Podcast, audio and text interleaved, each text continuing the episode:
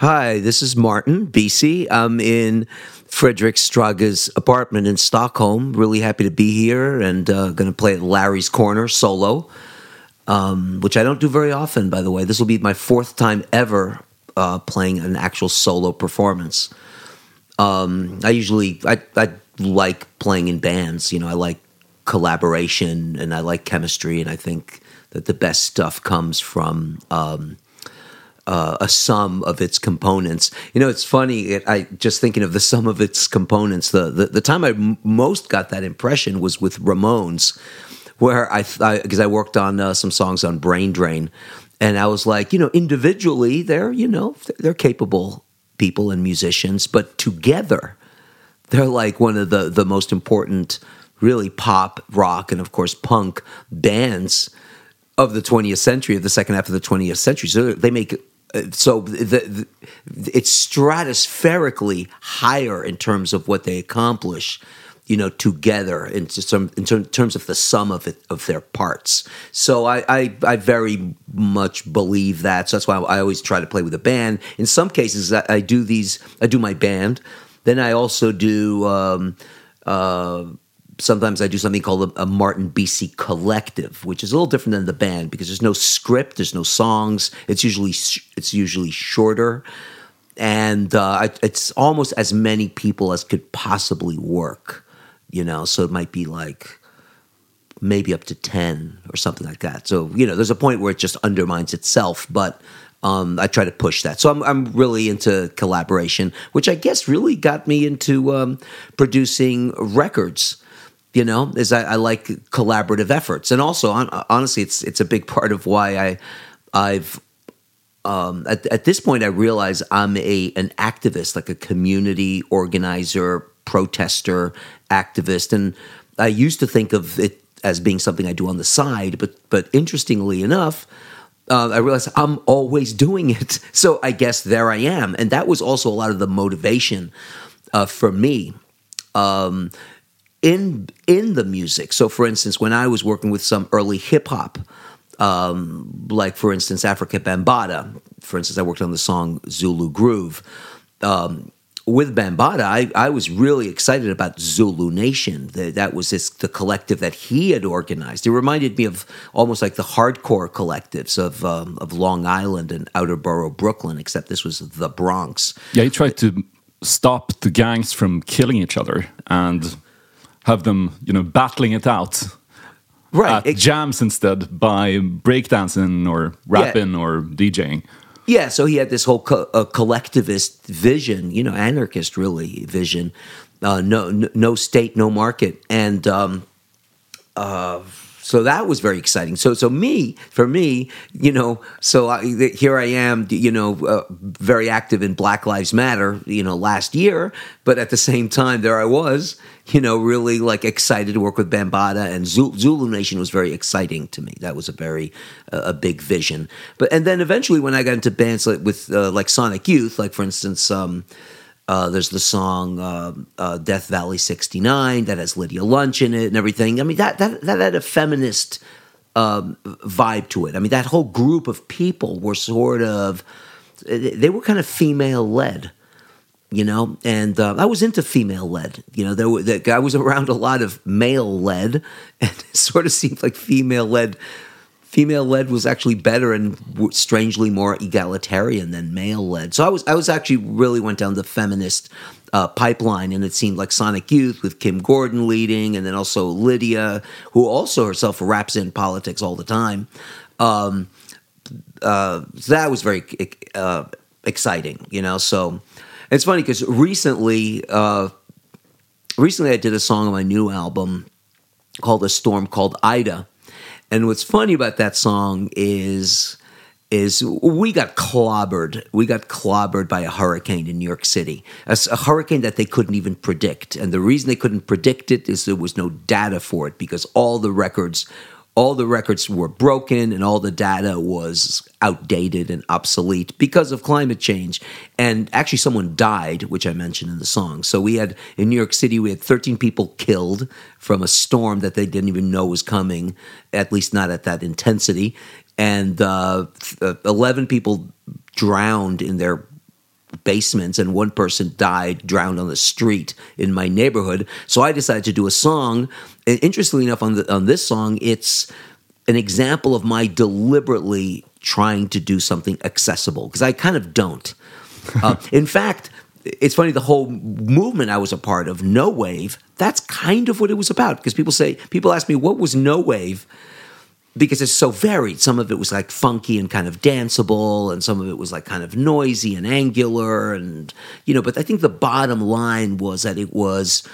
Um, boldly inaccessible like it was boldly not commercial and it, in that sense went against the grain and was a counterweight to new wave right so new wave was trying to be as poppy trying to be poppy and no wave was bucking that um, you know and even in my own music on my last album you know, except for that one song, A Storm Called Ida, I try to undermine the poppiness a little bit. I try to have poppiness as just a layer. There's a layer of poppiness and and and and melody that you know I, I don't mind trying to be a little catchy, but I'm kind of undermining it with dissonance and uh, and uh, abrasive textures and this sort of thing.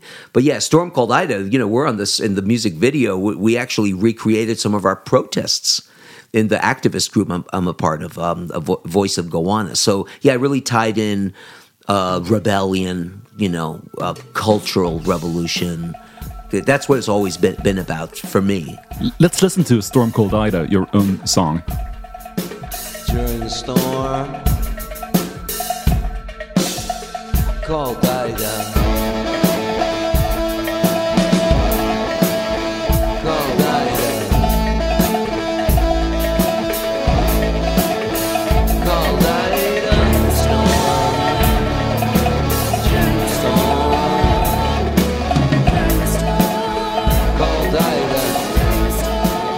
There's something kind of biblical about a flood just destroying everything that's been created by gentrification for the past 10 years.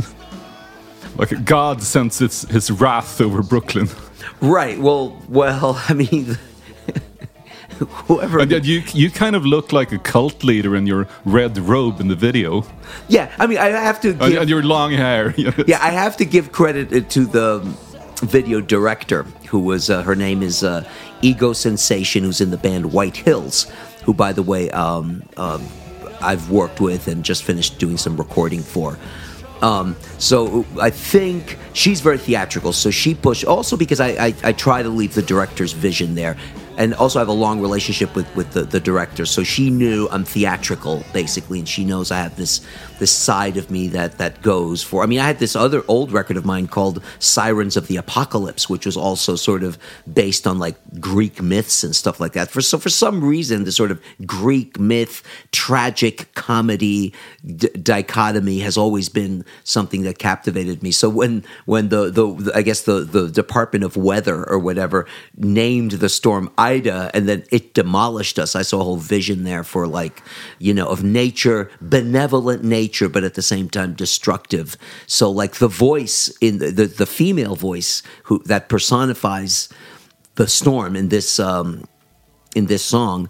Um, there's this woman, uh, Sarah Fantry, from a band I'm working with in a record that's soon to come out, but this band in New York called uh, Weeping Icon and uh, so her voice is supposed to sound at the same time destructive and but one of the community so one of us. So it's like this kind of uh, paradox. Could we go back a little bit in time? Your, your parents came from argentina. Yes. And uh, your mother was a famous concert pianist. Yes uh, yes. Her, her name was marisa regules. Yes and um, your father was a doctor, right? That's right. And did they encourage you to play music? Oh, absolutely. They, um, I mean, my dad, I just discovered some.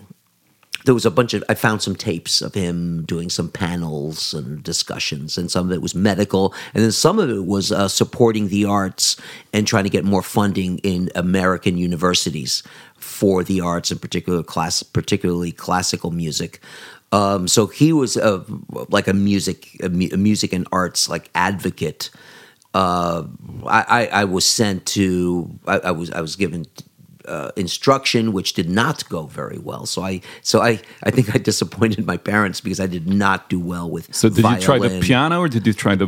Well, piano was what they tried. cello? That, that didn't work very well, and then they tried violin, and that didn't work very well. They might have tried something else, and then they kind of gave up. And I was very sad because I thought, wow, I don't have any music talent.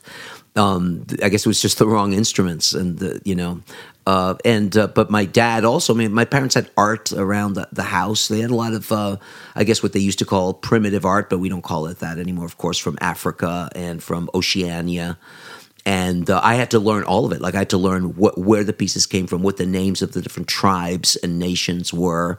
Um, so they were very concerned about like arts education and stuff. And you lived on the Upper East, I live on the Upper East Side, yeah.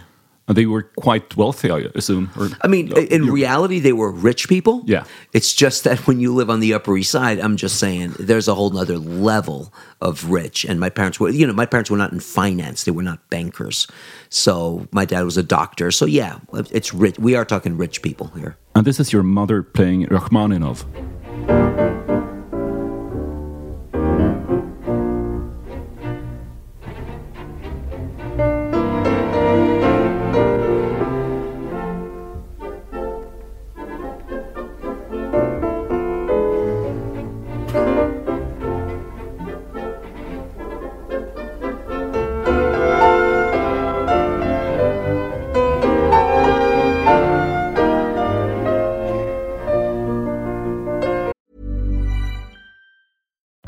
Here's a cool fact a crocodile can't stick out its tongue. Another cool fact you can get short term health insurance for a month or just under a year in some states. United Healthcare short term insurance plans are designed for people who are between jobs, coming off their parents' plan, or turning a side hustle into a full time gig. Underwritten by Golden Rule Insurance Company, they offer flexible, budget friendly coverage with access to a nationwide network of doctors and hospitals. Get more cool facts about United Healthcare short term plans at uh1.com. Quality sleep is essential. That's why the Sleep Number Smart Bed is designed for your ever evolving sleep needs. Need a bed that's firmer or softer on either side? Helps you sleep at a comfortable temperature? Sleep Number Smart Beds let you individualize your comfort so you sleep better together. JD Power ranks Sleep Number number 1 in customer satisfaction with mattresses purchased in-store. And now, save 50% on the Sleep Number limited edition Smart Bed for a limited time. For JD Power 2023 award information, visit jdpower.com/awards. Only at a Sleep Number store or sleepnumber.com. Hey there, it's Michelle Norris. I'm host of a podcast called Your Mama's Kitchen. When I travel, I'm usually looking for a way to find a taste of home when I'm not at home. And one of the things I love to do when I am at home is entertain. And Airbnb allows me to do that. When I was in California recently, I rented a house that had a great kitchen. And when we were sitting around the table, we're all thinking, we're in someone else's house. Someone could be in all of our homes as well.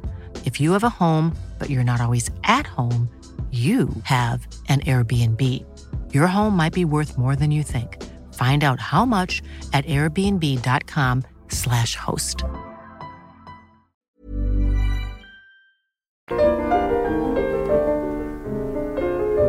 She must have practiced a lot.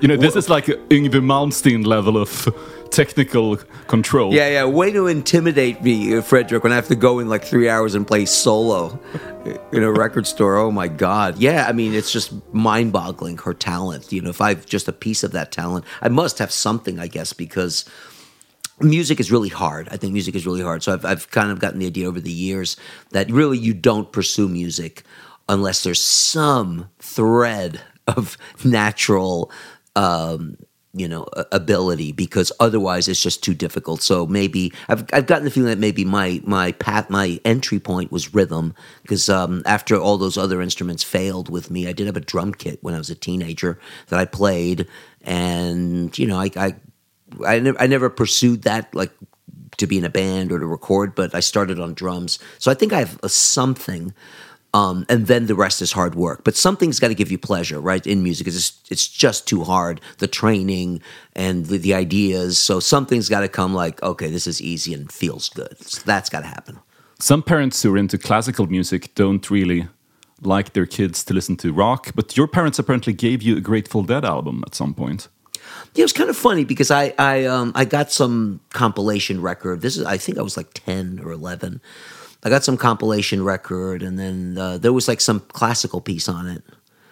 And I don't know. I just kind of I don't know, thought I'd impress my, this, I mean, I was really young. I thought I'd impress my parents that I had a record that had some classical music on it. I don't know, and that it somehow was something I that I discovered. So I played it for my parents, and I don't even know if it was classical music. It just had classical instruments. So I played it for my parents, and they were just like the looks on their faces. They were just appalled, and they made very clear that that like it was I, I don't even know how they said it because it's kind of a high concept to communicate to like a 10 year old but that they would that the other stuff that i listened to that potentially was better on its own terms was much better than something mediocre Pretending to be classical. yeah oh, just okay. because of that that that that really was not the the relevant point and it's funny it was definitely consensus between the two they were both sitting there they, they no discussion they both recognized it as garbage They did give you a Grateful Dead record. yeah, that was the first record that my um, mom uh, gave me. One of the reasons was Interesting choice. Well, well, it's funny. I, I it, it, apparently it was recommended. Apparently, because she was go- she um because she never went to school because she um her her her dad. So my grandfather was a senator, and um so she had a very cloistered life in Argentina and uh, my grandmother, so her mom was a music manager, and my my my grandmother's sister was also an opera singer, by the way. So it was a big musical thing. My my uh, my gr- so so my my great aunt uh, uh, sang with Caruso and stuff. So. Um, so it was my mom's aunt sang with Caruso, and then the, my mom, blah blah blah, and the, her mom was a manager, right? So um, they really had her like practicing piano like all the time and studying piano and got tutored. So she never really, so she was very educated, but she never actually went to school and never went into university because by the time she was 18, she had a, a like a, an exploding career, right? I think her career started when she was a Yeah, teenager. she was in a movie too, right? And she was in a film in, Yeah. um, and she was going to be in films in the United States. Like her, uh, her lawyer was Marilyn Monroe's lawyer, who I met. So there was, you know, she had the Marilyn Monroe's photographer, the the, the person that did the, the that took the photo of of Marilyn on top of a subway grate with a skirt that goes up. Yeah, that photographer took photos of my mom. So yeah, she was in showbiz. She was going to potentially be in show business. I don't know why exactly that part of it didn't happen. But you didn't get to meet Marilyn Monroe yourself. No, I did. I did not. But also, that lawyer uh, also um, uh, represented uh, Elizabeth Taylor and Oh. Richard Burton, and I think I might have met them. So whatever. This is the this is the world. Uh, but yeah, my mom was was practicing piano all the time. So even before she died, she was practicing every night. So I went to bed every night with classical, with her piano playing in my ear. And I got to say, I have wondered whether that influenced my my uh, inclination towards lots of layering and an like sort of more orchestral view of some of the music we're talking about. So I can do stripped down for sure. I can do stripped down and in, and in your face, but it seems like a little bit more of my specialty is lots of layers. So I'm, I'm maybe a little more comfortable with like a, a shoegaze direction. Let's just say. Um, but uh, but yeah, to, to answer my answer your question, she when when so when I was a kid, a toddler, she was eager to go to to to music school, and she studied conducting, orchestra conducting. I think she also studied um, electronic music. This was in the '60s, so I remember her bringing me to class, and it was like all hippies. I remember that very clearly. I was like, "Whoa, this is like all hippies." This is my mom, you know, who like was born in 1922 and uh, she was very happy actually in the you know she loved the 60s it seemed she she thought it was very exciting. And I, I i liked this. I liked the 60s i remember the 60s in new york city. So it's kind of something. So i think i think that she got recommended the grateful dead record by other students. That's what i think happened. And they recommended oh you got to listen to anthem of the sun grateful dead. And you got to listen to extrapolations by um uh, like your that's good for your kid. So the other one, there was two records that came together. Was uh, uh, Grateful Dead, Anthem, of, Anthem of the Sun, and um, um, John McLaughlin extrapolations. Both your parents died when you were a kid, basically, or you, you were an orphan at 17. Fir- First, your mother when you were 12. Yes. And then your dad When I was seven, fi- five years later. What, what happened to them? Did they um, illness. illness? Okay. Yeah, uh, it's also why I don't eat a lot of meat because they were Argentinians and ate a lot of meat like all the all the freaking time. So I don't really know, but I'm like, you know, I got to do something a little different than my parents. And then one thing I decided to make a little different is not like friggin' eat like The, the only country that eats more beef than Texas. yeah, no doubt. Like there's no meal with no be- meat, like red meat. So that's one thing I've cut out. Just So to they, they got cancer, or is that yeah, both Oh. both got cancer. My dad colon cancer. My And you didn't live with any step parents or anything at 17? It was very You- strange. I don't know why, but actually, Elizabeth Taylor's lawyer felt that I could um, just get away with just floating through those last six months until I became of age. So that was a strange time in New York. I had an apartment all to myself. I felt guilty about it in the end because I would have parties um, and some pretty amazing stuff. Like it, it's amazing who I would actually have in my parents' apartment. Like? um, you know, but well, because I was really getting into graffiti then. And even before my dad died, I also I feel guilty about it. But even while my dad was ill in uh, New Mexico with cancer and on his way, I would go visit him. But then when I came back, I had the apartment to myself, and I was writing graffiti. So I had these little parties sometimes with, like maybe a handful of times with graffiti artists from from really like the the depths of Brooklyn at the time, which was like like heavy gangland and stuff.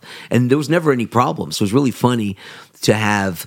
Um, because really, what's funny is graffiti was the art. Were the art graffiti artists were the arts wing of gangs, right? They would get gang protection, for instance, right? So, so you'd have these artists, which were which were all visual artists. Because I one thing I learned about like the real deal. I was a I was what you call a toy, right? I, I I did graffiti. I'd go out. I know we couldn't use this language today, but I'd go out bombing the trains. That would be my that would be the word I used. Um, so I go bomb and. Um, uh, you know, but that's all I did. Everyone knew I was a toy. I was admitted. I was like, I'm not like like you all because you all, like I would see they they, they would have like they'd be working on pieces for the trains, and they would have these amazing books with like page after page of ideas that they were working on. So it's on that level in terms of visual artists. So you know, I'm not there, whatever. But th- so those are little parties at my house. This was before I discovered music. This was before I discovered that you could do anti music, right? I thought there was a lot of rebellious music.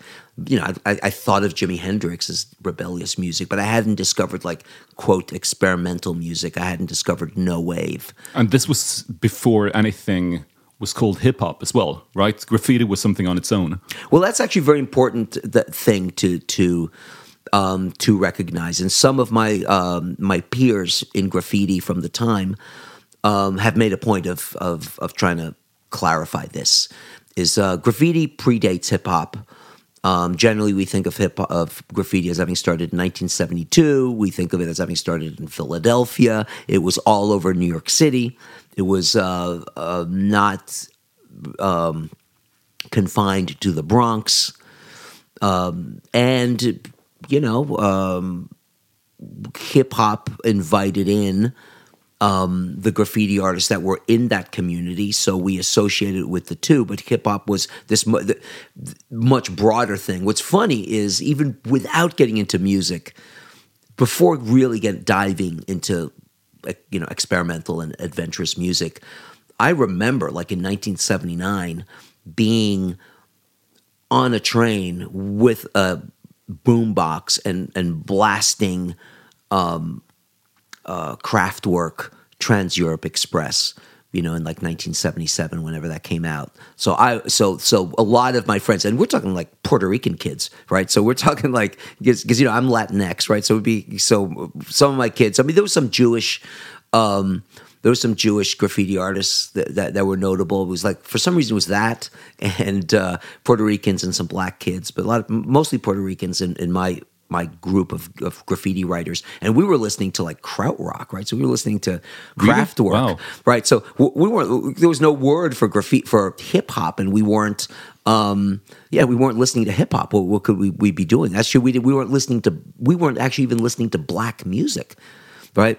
Um, and it's also interesting how um, um, krautrock was really influential in New York City in that community. I mean, you can see that the the whole because really what you had with Afrika Bambaataa was a sort of Afrofuturism, right? And you can see that even in the song Rockit. Um, you can see how uh, even the title of the Herbie Hancock, the title of the Herbie Hancock record is Future Shock, right? So there was a real um, African American thing that that the, the future can't just be the domain of white people, and the vision for the future can't just be the vision of, of like the, of white people. We have our own vision for the future. So that was like, and, and so it was inspiring. They wanted to be basically they wanted to be part of the future. So, for instance, breakdancing, breakdancing does relate to the sort of krautrock. Think of Kraftwerk like the other robots, dun, dun, dun, dun, right? And so you have the breakdancing that goes along with that. Um, and uh, Afrika Bambaataa, not a record I worked on, but he did, you know, um, pl- um, Planet Rock, I guess, which was uh, based on Kraftwerk. So, yeah, so that's where that's where that's where it existed in in the beginning. And this is a track that you did work on, Zulu Groove by Afrika Bambaataa.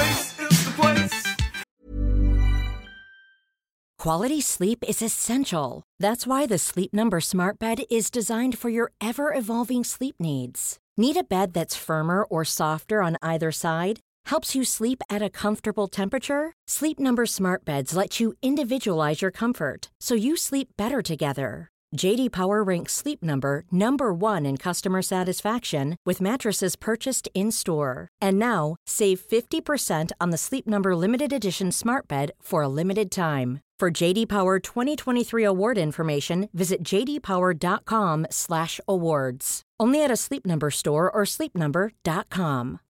Life is full of what ifs. Some awesome, like what if AI could fold your laundry? And some, well, less awesome, like what if you have unexpected medical costs? United Healthcare can help get you covered with Health Protector Guard fixed indemnity insurance plans. They supplement your primary plan to help you manage out of pocket costs. No deductibles, no enrollment periods, and especially no more what ifs. Visit uh1.com to find the Health Protector Guard plan for you. Hey there, it's Michelle Norris. I'm host of a podcast called Your Mama's Kitchen. When I travel, I'm usually looking for a way to find a taste of home when I'm not at home. And one of the things I love to do when I am at home is entertain. And Airbnb allows me to do that. When I was in California recently, I rented a house that had a great kitchen. And when we were sitting around the table, we're all thinking, we're in someone else's house. Someone could be in all of our homes as well. If you have a home, but you're not always at home, you have an Airbnb. Your home might be worth more than you think. Find out how much at airbnb.com/slash host.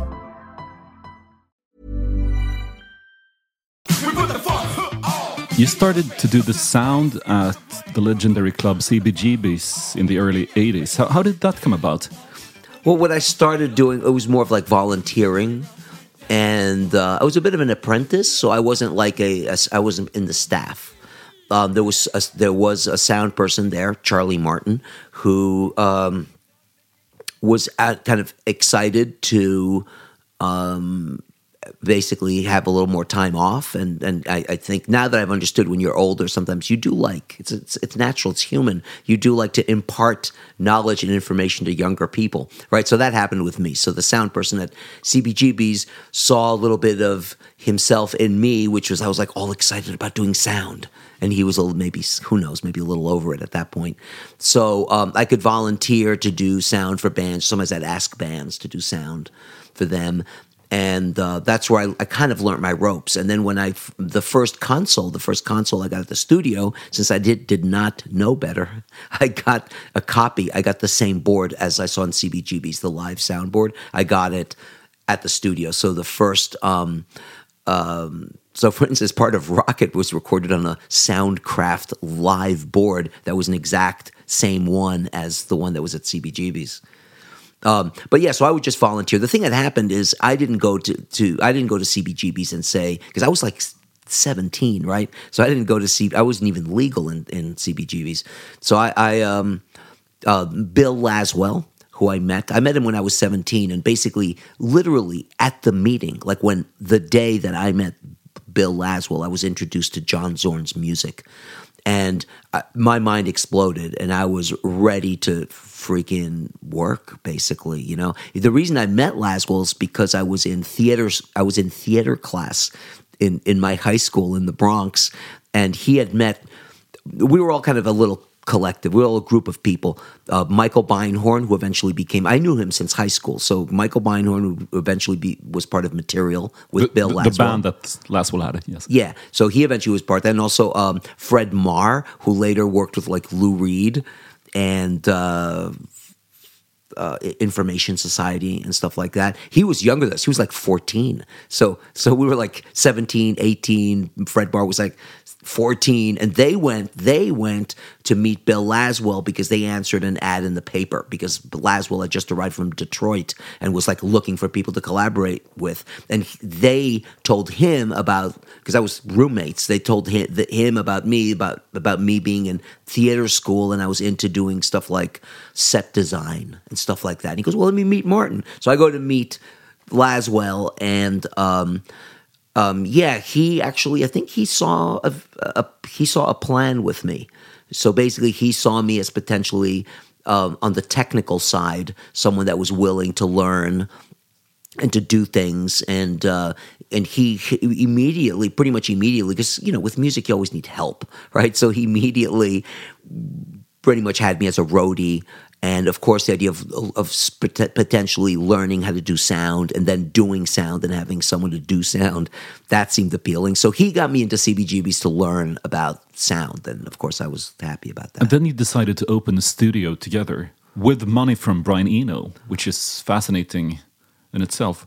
Yeah well what, he, what, kind of financed it or, yeah well really what happened was uh, laswell's idea was maybe we should get a loft loft being uh, a sort of former industrial space, right? Like one of those big spaces, right? Very popular at the time. Like Lower Manhattan, a lot of the industrial neighborhoods were sort of converting and being taken taken over by artists. It's kind of a global phenomenon. Right around that time, 1979, 80, you had also squats all over Europe where they would like, you know, sometimes violently like take over like a, a former factory or something like that, right? So we did that legally.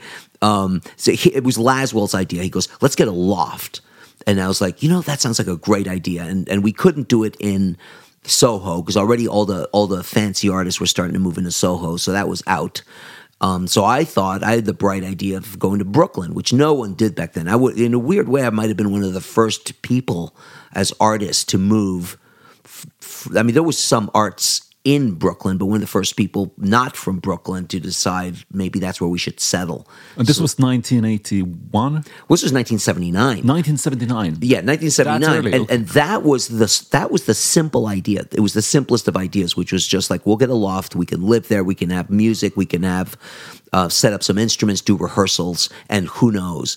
And then at some, we got the space in summer of 1979 in Gowanus. In Gowanus, and the, the same place I, I, occupy now. Yeah, what was that area like back then? Well, it was a war zone. You know, it was a, a war zone. yeah, it was a, a, a it was a it was a, a police no go zone. So un, unless there was blood involved, they were not going to come. And um, you know, it, it, was dangerous. It was gangland, but you know, I, it it's funny that I I, I realized that I, I, could have better relationships with those criminals than I could later with like developers and stuff, which is a different kind of you know legalized crime in a way. So I was like, wow, I get along. I I'm safer amongst the gangs. And actually, it's funny because I didn't suffer any like crime. I didn't. I, I got to admit that other people suffered crimes. So I don't want to just say that it was a safe I, I, time. th- I thought you and Bill Laswell got mugged like the Well, first time you, you went there well, by, uh, well, mugged wasn't necessarily violent, by, but by this gang called the Crazy Homicides. that's what happened. Yeah, we got we got mad. We got that. That was the gang. That was the gang that Yeah. quote terrorized, you know, um, the neighborhood, and they mugged. But but getting mugged. I mean, that when I was in actually in high school, before high school, when I was a teen, before you know, when I was like almost a toddler, I'd get mugged about once a month. So I was getting mugged like all the time um, by other kids. So that that happened. So when me and Laswell got mugged, we didn't. It wasn't even that unusual to get mugged. I watched this great documentary about you and BC Studios called um, Sound and Chaos, where they mention uh, another gang called the Confederates that would wear Confederate hats. Were, were those guys white or black? Or, No, well, the, well, the, well. Actually, that those were the cra- those were the crazy homicides. That that oh, might, that might they're been. the same ga- gang. Okay, that's the same gang. Yeah, that, they, they wore these like Civil War like hats, like Confederate um, hats. Yeah, they were all, th- those were all Latinx people, like Puerto Ricans, um, and like you know, like leather jackets. But the hats were, you know were that, kind that's of fun. creative way to scare people. you know, where where the Confederacy. Yeah, it was strange. You know, I, at the time I was like, "Is that what I think it is?" I, I, I, didn't know, but they were. Um, they got into into intense battles with other gangs there. So there was like other gangs around there. There was the Sunset Skins, who were the band. There were the gang from Sunset Park, which is like the next. Um, they were the gang from from the next neighborhood, which was Sunset Park. So the Sunset Skins. There were the Staten Island Sickies um, which were from another borough that would occasionally come into Gowanus to to uh, buy drugs or something like that. And so then they, there would be a battle. There was an infamous battle a few blocks from that still people still talk about um, that involved a lot of people ending up in the hospital and stuff. So it was some crazy But stuff. didn't you get like hurt quite recently? Yeah, th- but there, was- what- there was this fundraiser for your medical bills. Yeah, yeah. So I, I got really hurt and, and, and assaulted and stuff. But, but what's funny is that that was with gentrification. So gentri- so gentrified. In fact, I remind people of that. It's like you you might be reading it wrong. You know, it's it's really this human assumption that when we see a lot of activity um, on the street and we see a bar there and that it makes it safer. Be- You got to recalculate these things. That maybe not. You know, maybe people are stalking the people that come out of the bar, for instance, um, or so I got mugged. I think. Be, I mean, mugged and assaulted and and and badly. Right. Um, Wh- wh- what happened? well, they, they, they came up to me from behind and swung what, what I call a, a blackjack. It's a blackjack. It's basically a, which I didn't see, some kind of large piece of metal like in something that swings and it swung across my face. So it could have been, of course, as usual with these things, of course it could have been worse, but tru- truly it could have been a lot worse. But they, they smashed my teeth. You know, I lost some teeth. And um, um, I, I think that they intended to knock me out um, but you know, across the street was Whole Foods. So across the whole streets was this like you know rich people thing. And then and then two months later, the studio gets robbed for the first time. And then, as one of my friends said to me, "Huh, it didn't help to be across the street from Whole Foods." And that shows you that the gentrification really the, the problem was inequality it was the ine- that but before there was just less inequality because what was in this abandoned factory you know now the the it's no longer abandoned but the fact that the former factory where my studio is the whole building projects wealth like not me particularly, but some of the other tenants or the design. It's been renovated. There's these big open windows. You can look inside. There's like like offices with computers and stuff, and it just projects wealth, so it becomes a target for crime. And uh, you know, I was walking. There was I didn't I wasn't at the bar, but I thought later that possibly my leaving a hipster bar, you know, actually contributed to the assault and the robbery because they figured I was drunk and had money. So um, yeah, that was gentrified Brooklyn. Actually, a little more dangerous. How much did you work with Eno after he financed the studio?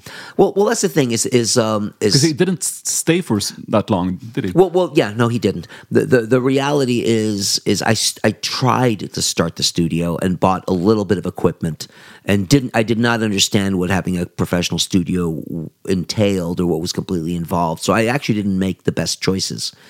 In some ways, in retrospect, I made good choices because I shot I shot too high, right? Because people, I was I got criticized by Bill Laswell and by a few people. I said, "Oh, you should have just gotten an eight track." You know, then then we could be doing something, right? Rather than getting a sixteen track that now then we can't do anything with, right? So, um, but in the end, it, I shot high and um, ran out of money, and that's what it was. And then Laswell, he's the one because he was a hotshot bass player. He he did some he did some sessions, I believe, even for um, um, for David Bowie.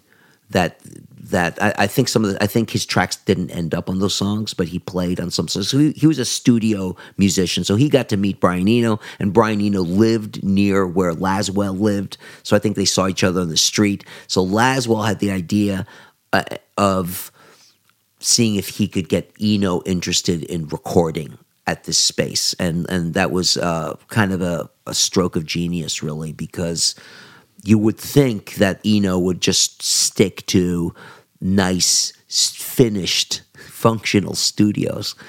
But the reality was that Eno found it quite compelling to to come to this sort of space that was like in in in a crazy, you know, uh, dilapidated part of Brooklyn. Because the, here's the thing: is Eno. This was a special time for Brian Eno in New York City. It was a, the, the special five years. It started in 1970 seven with him working on the on the record No New York, where in a way he's helped start No Wave. Some people that were doing No Wave, some people saw that it could go somewhere. Most of the people, like myself, um, didn't think it was going to go anywhere just like I thought with hip hop. I didn't think hip hop was going to go anywhere either, right? So I didn't think No Wave was good. I was more typical in that way. I didn't think it was going to go anywhere. It's, it's experimental, it's noisy, and it was extreme in a lot of ways, right? So it was, it was pushing a lot of limits. Um, I think also even sexually. I think it was also like bold, boldly uh, transgressive and pushing sexuality because this was a time um, of this sort of increased uh, conservatism um, the, there was like the you know like for instance our presidential candidate Al Gore and his wife had what they call the PMRC, which was about trying to get obscenity out of music and obscene lyrics and obscene co- content out of music. And and it was serious stuff. I mean, the Republicans, the Republican Party in the United States was pulling funding out of the arts based on what they were calling obscenity, right? So it was like the, the moral police. So we were trying to do stuff. So many of us were trying to be as, you know, sexually forward, as obscene as can be and so there in terms of lyrics it was more more sexualized more more violent even right? So it was really pushing it was like and actually that we that's why there was the, the the, the movement of transgression which is breaking taboos. So that people the society was doubling down on taboos and we were trying to break them down. So with, that's part of no wave as well. movie makers like Nicky Zedd and maybe um, Richard Kern? Yeah exactly. So who, who incidentally made the video for Death Valley 69. Right. So he was a hero. He was a hero to to a lot of us. Um, let's listen to that track. Let's absolutely.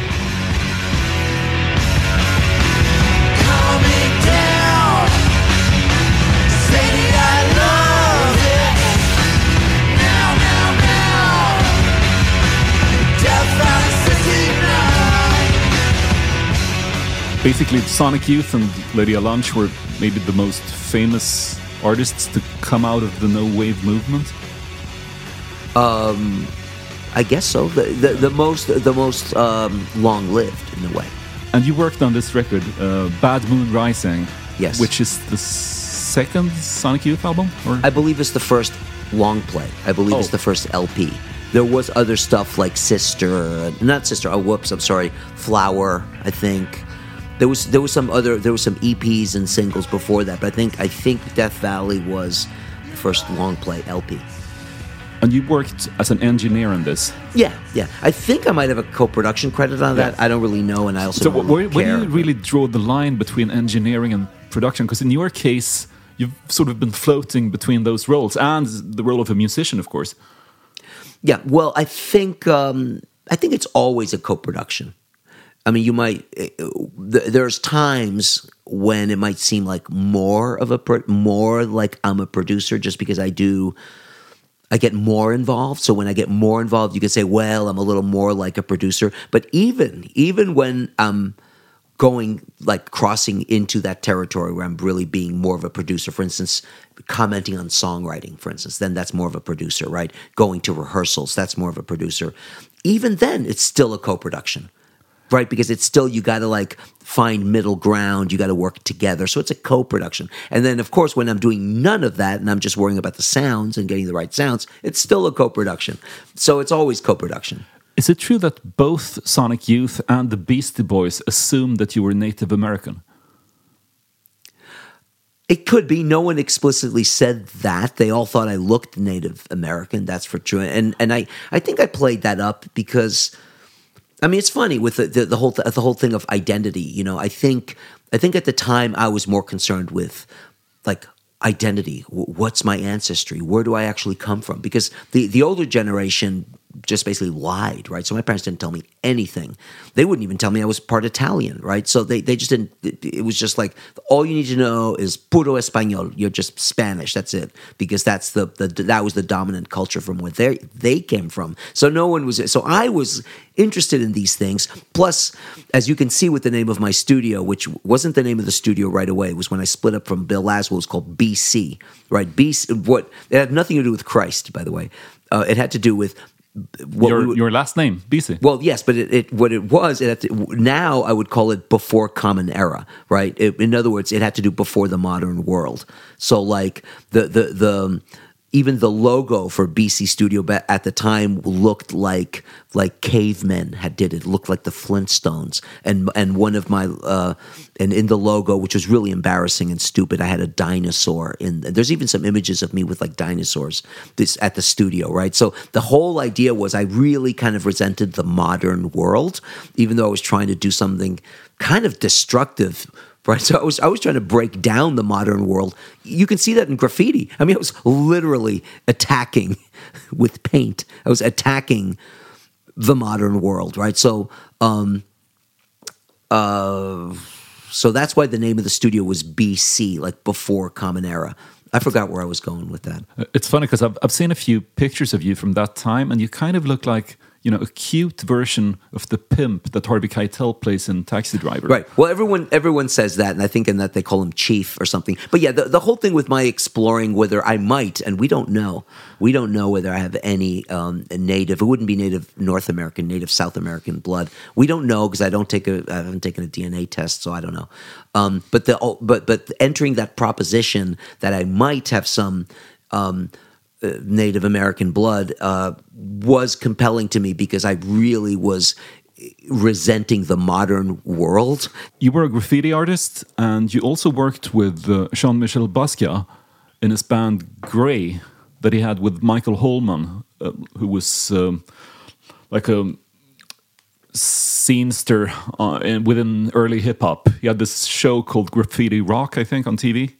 And also Vincent Gallo was in that band, the actor. Yeah. And you, you worked on their f- album, or? Well, I um, there was a Basquiat album that that that I think was called Test Pressing or something. I mean, it's not a Basquiat. record, It's um, Gray was the name of the record. Gray was the name of the band. Gray was the name yeah, of the band. I yes. think I did not. I think I did not work on the first one. I did some later recordings. That, honestly, I don't know if they came out. I don't know where they are or what happened. But but I recorded those. I'm pretty sure Vincent Gallo was in the studio. I knew Vincent Gallo. He was around. He was always trying to sell me microphones because he was a, a microphone collector. Still is a microphone collector.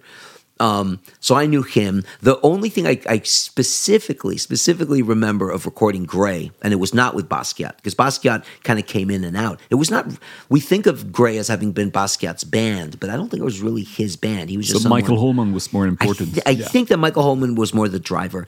So I did record with Michael Holman and a couple people that I don't quite remember. But interestingly enough, Debbie Mazar was in that, and she was an act. She's she is actually an actress that was in in films like I believe. Uh, Goodfellas. She's great in Goodfellas. Okay, so so, so I'm okay. I'm good. I'm, right pretty there. sure that's her. Yes, she's the Debbie Mazar is in Goodfellas. At least I'm, I'm pretty sure of that. Yeah, yeah, yeah. And he was the she was the mistress. I had a major crush on her for a while. so. Yeah, well, so she was in my studio. She lived up the block, by the way. So she lived in Park Slope, just Park Slope, which is just adjacent to Gowanus. She lived there for a few years. So we, me and my ex-wife, we would like have coffee with her all the time. So she came in and she played clarinet. So isn't that crazy? She played clarinet on in in a Gray recording. Um, so that was her instrument. Are you still in touch with Vincent Gallo? No. No, I, I went to New York to interview him when Buffalo 66, his first movie when it came out in 1998.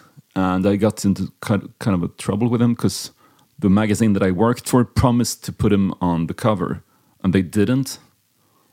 And then he uh, he got very upset, so he would leave very threatening messages on my answering machine at night, which was absurd um, saying that I was uh, a socialist chimpanzee. I think he was very upset.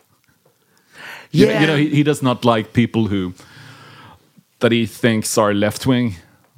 that's and really, he- that's really that's really you know, if, I'm if I remember it correctly, he said on my answering machine that he would devote his life to destroying our magazine, and it went bankrupt just a year later. So maybe he succeeded. I'm not sure. But he, you know, he he he managed to get himself cancelled way before that expression, you know, w- was used in the way we use it now. I'd like to ask you, um, what do you think is like the the magic of BC Studios, like the, the building? What makes it so special? Because I was watching this Sound and Chaos documentary where Michael Gira from Swans says that there was enough space in the studio for him to live out his most bombastic Phil Spector dreams that he could, you know, create a large, overwhelming sound. Well, that's that is one thing that's that strikes people. I have two large spaces um, that are connected by glass, right? So one space is you know really big and impressive, and the other one is big, and um, um, usually a drummer walks into one of the into into that space and is ex- musicians are excited to play in there like like right away because everything else is like a controlled um, you know, designed, you know, designed to not be out of control, right? So a lot of studios, that's actually proper acoustic design is to make sure it's not completely out of control, you know? And so um, in my place, you look at it and you realize it's a little like, like uncontrolled. It's uh, it's it's feral in a way. It's it's like it's uh it's it's a wild space that's that that that's natural. There's actually no. I mean, I'm lucky because some of its its uh its um, imperfections actually help it help it from being completely out of control. Right? It can kind of contains the sound just enough. It's so it's so feral that Michael Gira even had a fight with a huge rat, apparently. Well, yeah, I'd, I'd like to not. I'd like to think that I don't have a rat problem anymore, but occasionally, occasionally there was a rat, and he got very excited about that. And it's on one of the, it's on the back of one of the records. I think it's on the Great Annihilator. Yeah, That he, he killed it somehow. oh no no, I killed the rat. You killed the rat. Okay. I, I killed the rat, and and and uh, Gira was very excited about that. It was a little weird, but he was like, um, yeah, he still moved, kind of moved in with you. well, he was staying there. He was staying there. Oh, so that's how he I think because he was recording. met the rat. Okay. Yeah, and, and I knew there was a rat. Uh, so I, I, I tricked the rat to to to, tr- to to trap it, and I because I knew where it was going, so I, I stay. I was sleeping near the rat. I was I was sleeping near where it happened, so I knew that this could happen. That it would get. This is awful, but it, that it could get trapped. So it got trapped, and then I knew it. I turned on the lights, and then I went to kill the rat. And um, and then after killing the rat, which is really disgusting, um, I turned around and I realized that that Gira was behind me in his shorts and just just starting to light a cigar, and and he found it just like epic or something, and then he uh, he gave me the nickname Rat Crusher, and that appeared. And that appears on the and that appears on the back of the album. Pretty sure it's the Great Annihilator, which is a great record, by the way. So I, that was also mixed at the studio. It's funny because somehow uh, I think it was the day that Kurt Cobain died. uh, someone at the record label, which is I think the sh- the Chicago record Invisible uh, record label Invisible Records, the, someone from the, the the the label calls up um, like really flipping out because she thought I'd be offended. Calls up and goes, oh, blah, blah, blah. I, I think somehow she thought I would have seen the credits on the album, and I had not, right? So I didn't know what she was talking about. She goes, Oh, Martin, I don't know. Just want to say that us at the label, we didn't really see this. We never would have been comfortable putting that on the album in your credits, this sort of thing, right? And I'm like, What are you talking about? She goes, Oh, you didn't see? Well, I'm so sorry, Martin, but Michael called you Rat Crusher. So this is the conversation, and then then then after I was telling telling after I feigned discomfort, I was like, oh, okay, you know, maybe, okay, I think I'm okay with this. I was totally feigning. I couldn't care less. You know, it was fun, right? And then then the next thing was, oh, you don't know, Kurt Cobain died today, right? So I was like, oh my god, right? So it was that that was the, the same conversation.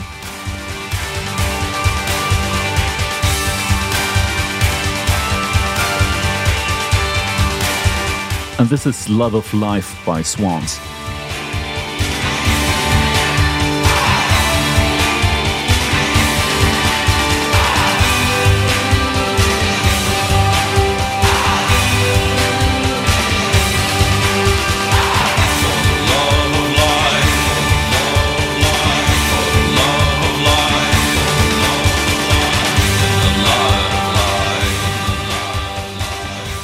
You know, it's worth saying that song shows shows you maybe a little bit. I mean, it, it's it's really Michael Gira's vision, right? But sonically, as an engineer, you can see how it helped that I was going to the New York City, New York Philharmonic with my parents and listening to orchestras like once a week. So you can see the just my ear tuning into like lots of layers in an orchestral. And also, it's a very dramatic sounding song, and sort of also having a, an affinity for, for drama. I also got to say that that song, Love of Life, was the, still holds the record of the longest mix at the studio. Um, five days. Five that's, days. So that's extreme. And why did it take so long? Because we did like 17 versions, starting from scratch every time, sort of thing. Michael never being quite happy, and there's a point where maybe you have to just start over. So it kept happening, and then of course every time we think we're done, I'm really wondering how different it was from the original version or the previous version. But whatever, just endless. That that took a long time, but that was also a time in the studio where we just had it was a different ethic, you know. People people, it was like it was like art first, health second. It was like it was like art first, mental health, good luck. That's that was that era. Now it's like mental health first, then you create. So it's a different thing.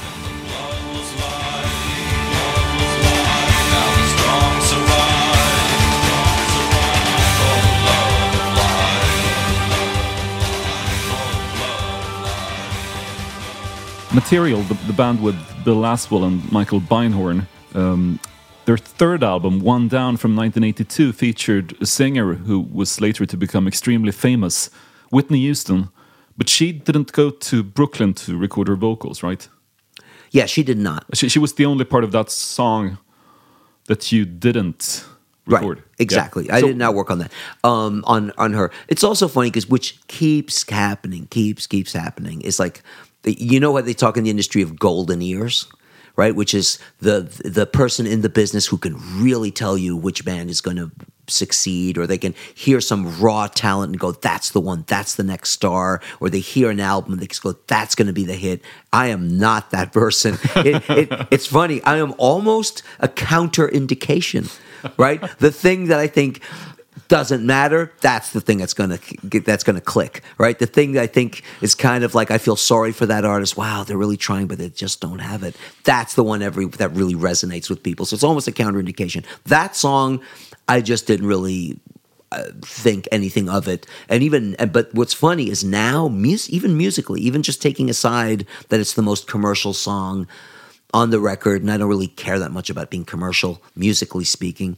Um, still, musically, you know, it's it's got um, the sax player Hopper on it, and um, um, it's Archie, Archie, Shepp. Shepp. Archie Shepp. Yeah, right. The writer is is Hugh Hopper, I think. Anyway, maybe fact check me on that. But yeah, Archie Shepp. So that's a, po- a musical powerhouse. Amazing playing, actually saxophone. Amazing, like first take kind of thing. Um, and also, it's a f- fantastic song because it was uh, uh, originally performed by the Soft Machine, which was a a, psychedelic band um, from London. Uh, along with Gong, a band like Gong and stuff. So the idea of taking a band that's a song that was written that was performed by like psychedelic hippie, like crazy hippie people, um, and then Whitney Houston on it, and that's like her first single.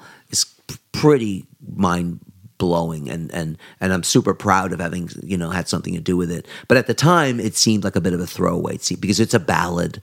You know, and and then there was stuff that I thought was kind of more compelling that now is not that compelling. I mean, a lot of the there's a lot of stuff in there you know, I don't know. It may may seem compelling again in 15 years. Stuff with vocoder, you know, it's stuff like at the time I thought vocoder, you know, like synthesizer voice. There's a song on there's a song on there. There's like "Don't Lose Control" with like a synthesizer voice. I thought that was like incredible, right? And now I'm like, okay, well, you know, it's funny. But the voice effects on Rockit still sound very modern. That's one of your perhaps your most famous track? Yeah, it's Her, Her, Herbie Hancock's Rockit. Well, which... there's a reason that I don't. I'm not that happy about. There's a reason that that Rockit sounds still so current. It's not Rockit. It's that that that even electronic music now is pretty retro.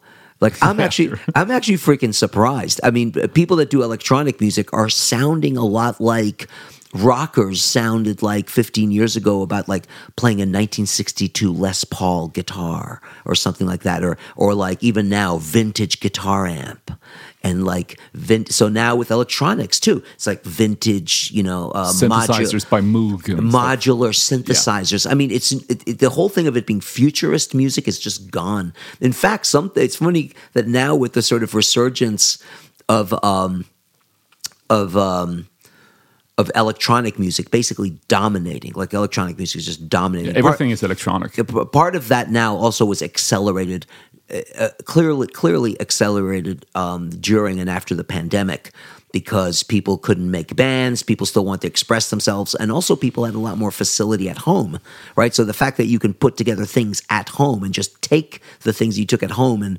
play them and then just play over them at the at a, club rather than having to bring a whole band, right? Um, and so the also the better better uh, home studio kind of environment now. Um, basically, electronic music is dominating now. But what's funny is a lot of it is is sonically very retro, and I'm I I feel I feel less retro when I do things that sound 90s. So I'm actually less retro when I'm playing rock that maybe sounds like mid 90s than people that do like club music that sounds like electronic and sounds like Rockit and sounds like club music of the 70s. So it's it's it's actually kind of strange. It's it's uh, flipped around. But something that you don't hear in modern hip hop is scratching.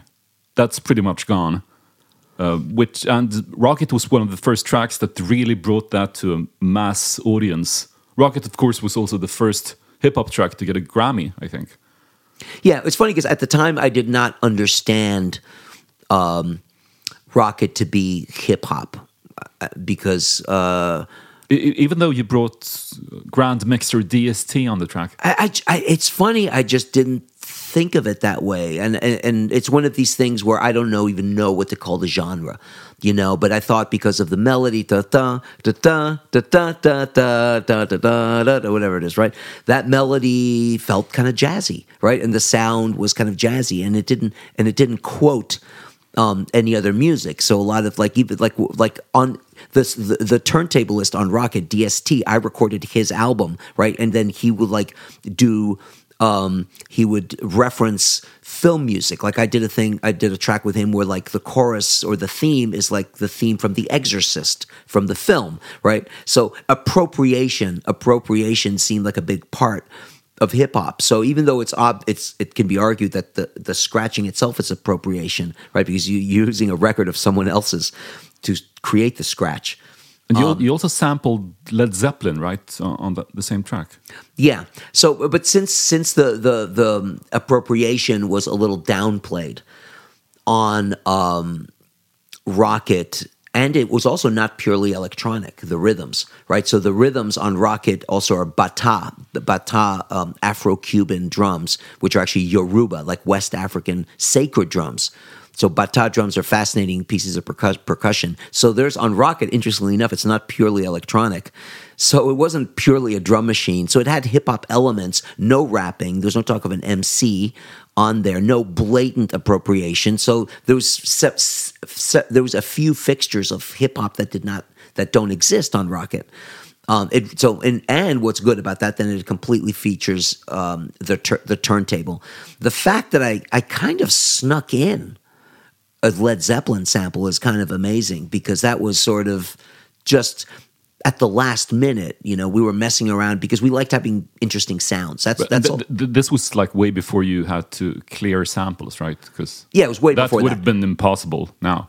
Yeah. Well, also here's the thing: is is um is we material did not own um samplers you know so we had to go through a lot of trouble to actually do anything that would seem like sampling because sam- like samplers were like they they, they would cost like 60 $60,000 right so Herbie owned a sampler. I think he owned like a Synclavier, which was like a, it was like a huge computer. It would take up a whole side of a room.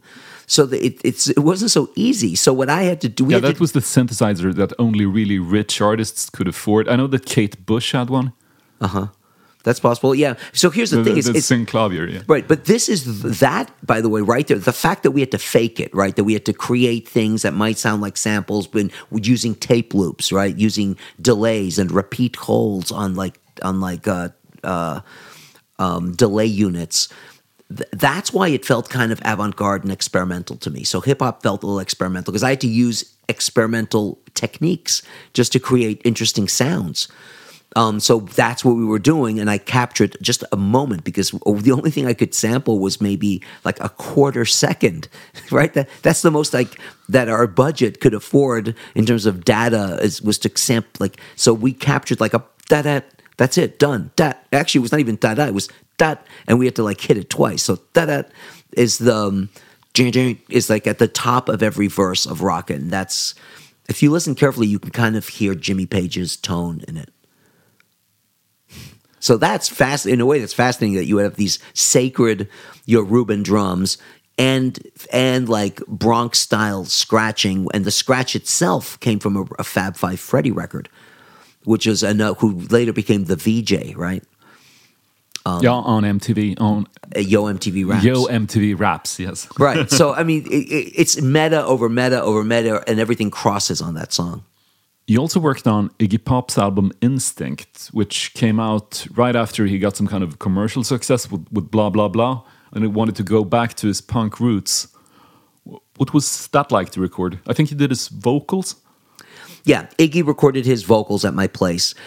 Um, it- it's kind of funny because Laswell, we had sort of split apart amicably, but um, and that's actually my recording studio. The, the first name was OAO, which was taken from a William Burroughs book and stood for Operation All Out.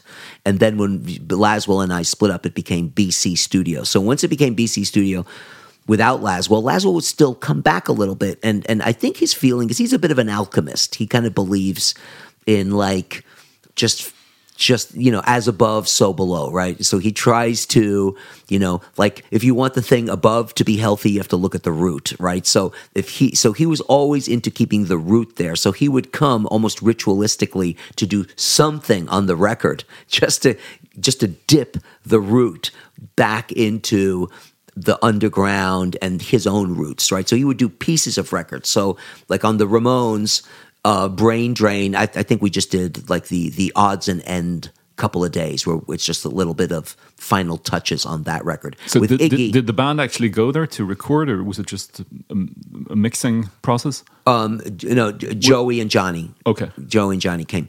Um, and actually, Bill Laswell rented us a synclavier. Or it could have been a Fairlight, because those were the two instruments that were sort of co equals Fairlights and synclavier. One of those was there. It required like three people to even move it into the studio. It was big. On a piece. Ramones track. Yeah, on that, on the on Brain Drain. Isn't that the album with the Pet Sematary? Yes. Yeah. So so that was on there. Honestly, I don't they they they got into a disagreement actually because I think that Joey Well, when didn't they get into a disagreement? Joe, John and Joey Ramone. No, no, no, no, with Laswell. With Laswell. Oh, Joey got into because because I think I think I think that Joey was eyeing some humor.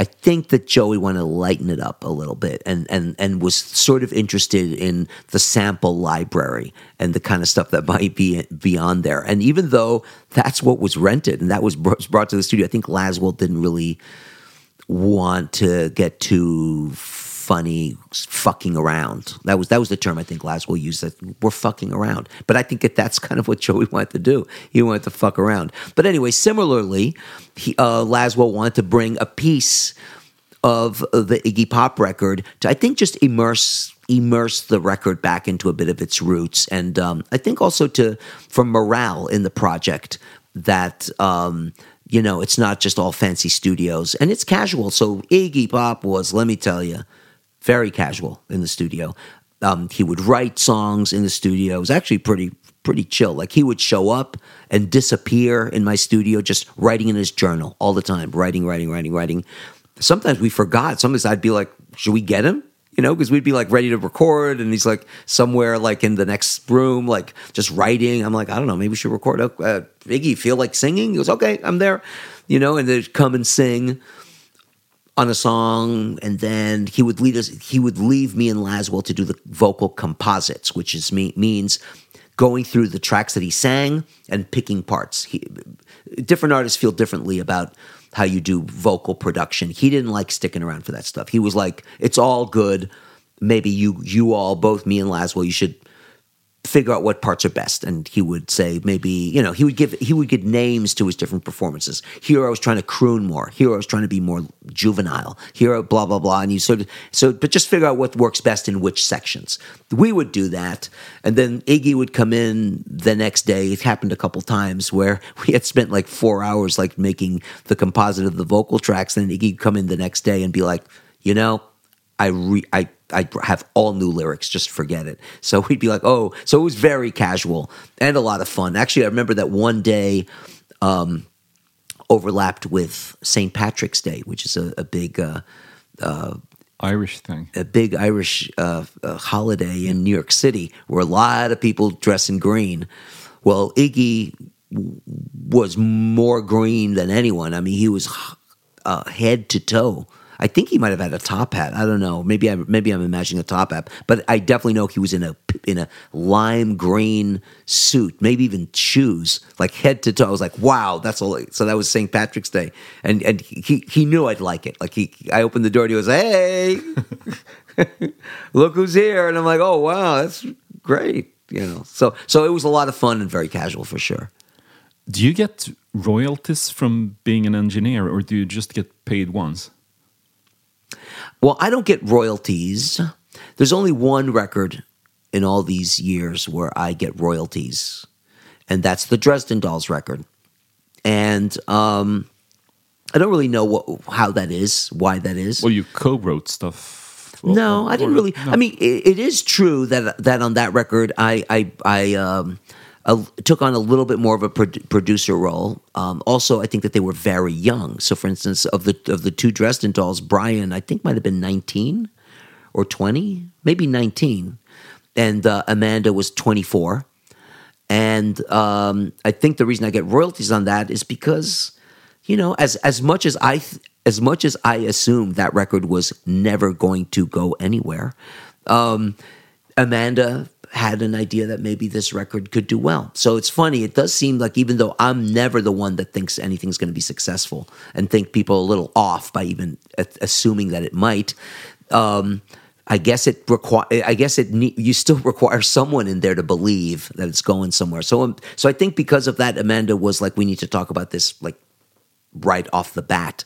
So for that reason, I got I it's the only but I think that a lot of other records that did well, no one even really thought that they would do that well. Like like that there would ever be an issue of money. So there was never a contract. So with Amanda, even though there wasn't it was just a verbal agreement, still. And now I actually uh, and one of the songs that uh, you know I get royalties from is uh, "Coin Operated Boy," and uh, that has been I guess a uh, it's one of those it, it, universal and eternal themes. So any generation of of women is going to relate to the song about a coin operated boy. Coin operated boy sitting on the shelf. He is just a toy, but I turn him on and he comes to life. Automatic joy, that is why I want a coin operated boy. Made of plastic and elastic, he is rugged and long lasting.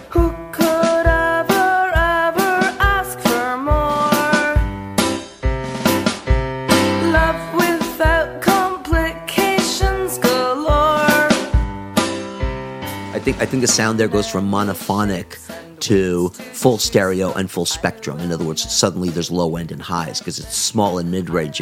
And then I turn them on, pop, and then right on the snare drum, it's like it suddenly comes to life. And, when, then he comes to life, and I turn him on, however it is. So, so that's a, a, a mixing trick. And you'll notice at the end of the song, it goes the other way around. It shrinks. So at the end, it actually shrinks. It, I want it to just shrink to like it slows down, so it's like a retardando. And then I want it to just just the the, the spec the the stereo spectrum and the frequency spectrum to just go down to like bare minimum. So it starts small, gets bigger, and then just shrinks down. So there's some interesting mixing on that. My coin operated boy. This bridge was written to make you feel smitten with my sad picture of girl getting bit. After collaborating with so many people, how did you start writing music on your own? Well, I was always writing music during th- this whole time. Um, uh, I think some of it unreleased or whatever. So I was always screwing. I always did it for pleasure. Uh, I think that the the first stuff I did on my first record, Creole Mass, um, I, I didn't know how to play any melodic instrument. So it was all just singing or creating things or asking people to play stuff. And I, I really did it for for pleasure and stuff. And um, that record came out on a um, a sort of subsidiary, a sort of side label to SST to SST Records. It was this uh, uh, record label called New Alliance, which was uh, originally Mike Watt. Mike Watt from the Minute Minutemens, and it was the same record label that put out Ciccone Youth, which is another thing I recorded, which was a side project of Sonic Youth. So that was Where they covered Madonna's Into the Groove. Right. They they and they called it Into the Groovy. Um, and that was like a split single, I think, with Mike Watt, actually. So that record came out on the same label that my first um, solo record came out. So really what it was was that label was for um, uh, as I saw it at the time, artists that don't tour or like side projects. But interesting that there would even be a label that would put that out and print print it. So that's when my first first solo record happened. But I didn't start. I didn't pick up a guitar.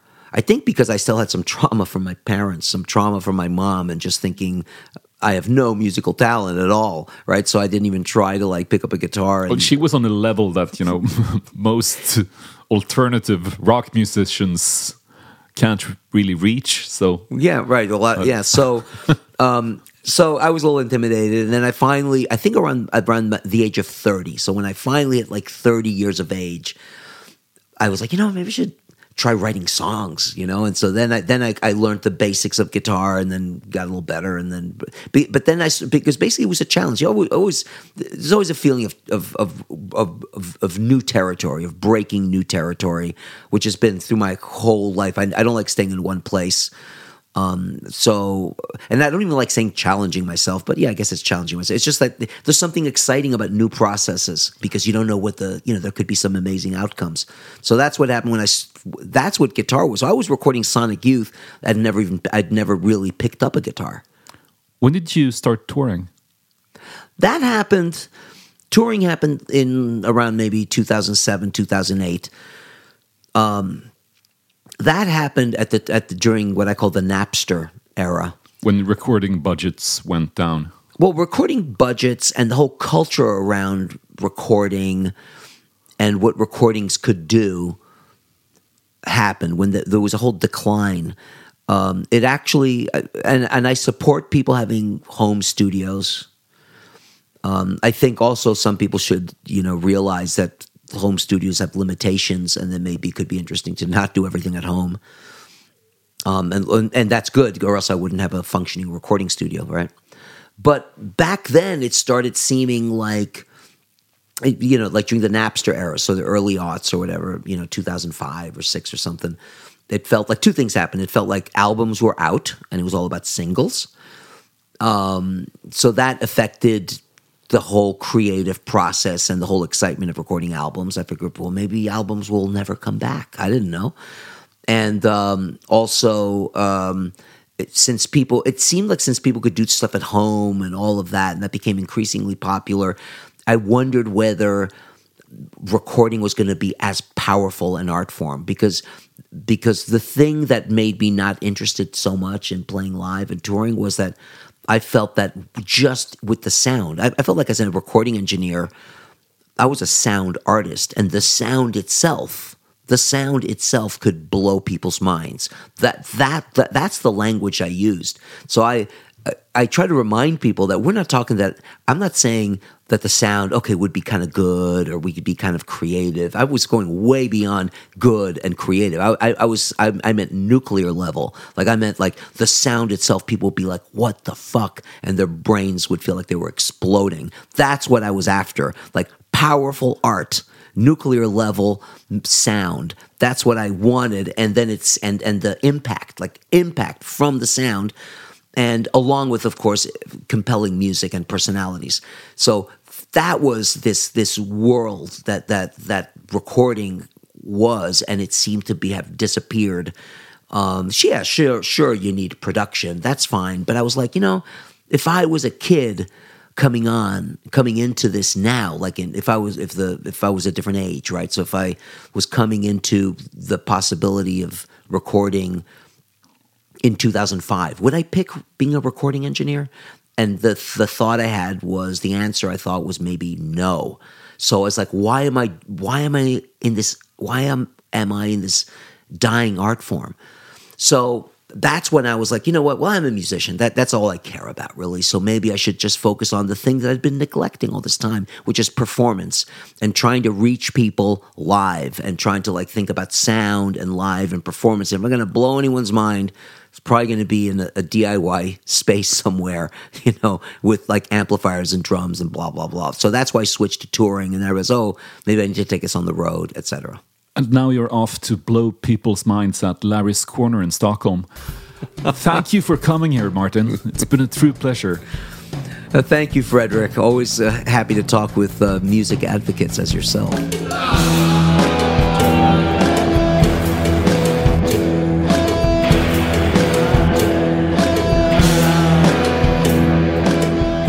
Den här podcasten producerades av Daniel Bäckström för Lejon Media. Martin Busy var hemma hos Dragen.